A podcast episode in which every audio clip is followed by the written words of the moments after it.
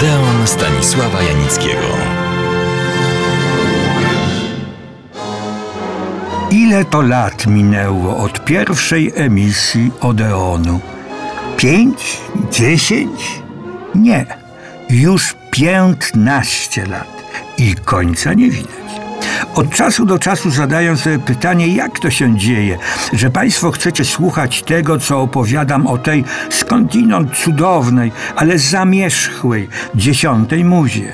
Opowiadam przecież o dawnych czasach, które minęły bezpowrotnie. Jak to pięknie mówią nasi bracia Czesi, to se już nie wrati. Wracam jednak do istoty rzeczy. Coś mnie ostatnio wampiry zafascynowały. Niezależnie od tego, co się może zdarzyć, informuję, że moja krew należy do grupy ARH. Pewnego razu zadałem sobie pytanie, czy ja w Odeonie prezentowałem omawiałem te najważniejsze filmy wampirowe, których, jak się okazuje, było wiele. Sprawdziłem. Ja ani słowa.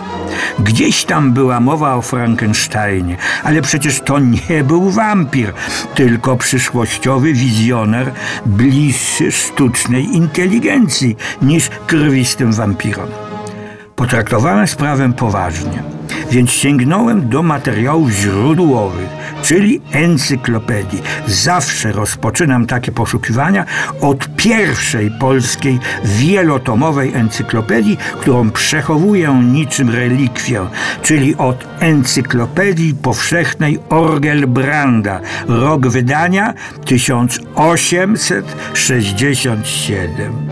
Tak na marginesie jest to fantastyczna podróż w czasie, którą wszystkim, którzy lubią podróżować w prawdziwym, bezgranicznym czasie i przestrzeni, niekoniecznie na Wyspy Kanaryjskie, gorąco polecam. I co? Wywołując hasło wampir, przeczytałem. Wampir, po polsku nazwany liścionosem, zaraz, jakim liścionosem? Sięgam po encyklopedię już nieco bliższą naszym czasem. Encyklopedię popularną PWN, rok wydania 1997. I czytam, cóż to jest wampir liścionos? Cytuję dosłownie, by nie być posądzonym o jakieś machlojki. Liścionosy rodzina nietoperzy amerykańskich z charakterystycznym płatem skórnym na nosie. Około 140 gatunków, w większości owadożerne, też owocożerne, krwiopijne. No, powoli zbliżamy się do istoty rzeczy. Ta sama encyklopedia ma już dwa hasła. Pierwsze biologiczne, cytuję, żywią się krwią, trzy gatunki, atakują głównie ssaki, przecinają skórę i zlizują krew. Mogą przenosić choroby. I definicja druga. Wampir, upiór, strzyga. Według wierzeń ludowych zmarły uważany za żyjącego trupa, wysysającego krew z człowieka. Żeby jednak zakończyć tę rewię encyklopedyczną, zacytuję definicję z angielskiej na marginesie znakomitej słowniko encyklopedii Home Study Dictionary. Wampir to cytuję, istota ludzka lub nadprzyrodzona, która opuszcza swój grób nocą i wysysa krew mężczyzn i kobiet, kiedy one śpią. Najlepiej głębokim snem, ale to już moje dopowiedzenie.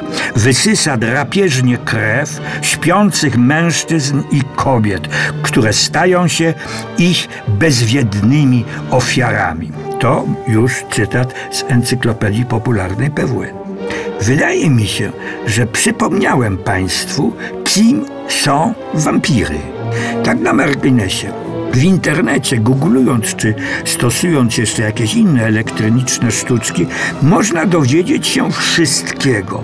Tylko wszystko to są wiadomości, informacje wzięte z czyichś prac, dzieł, słowników, encyklopedii.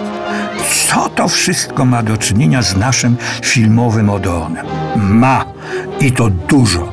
Nasz program zajmuje się pewną niezwykłą dziedziną kultury i sztuki, która trafiała i po tylu latach nadal trafia do milionów odbiorców, widzów, którzy niezależnie od wszelkich supernowoczesnych urządzeń marzą, nie oszukujmy się, o sztuce wizualnej, czyli filmie opowiadającym jakąś historię. O czym? O naszym życiu.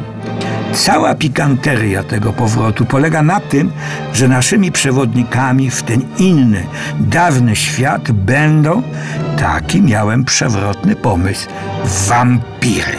I one będą bohaterami następnego odcinka Odeonu, na który wszystkich miłośników dawnego kina zapraszam.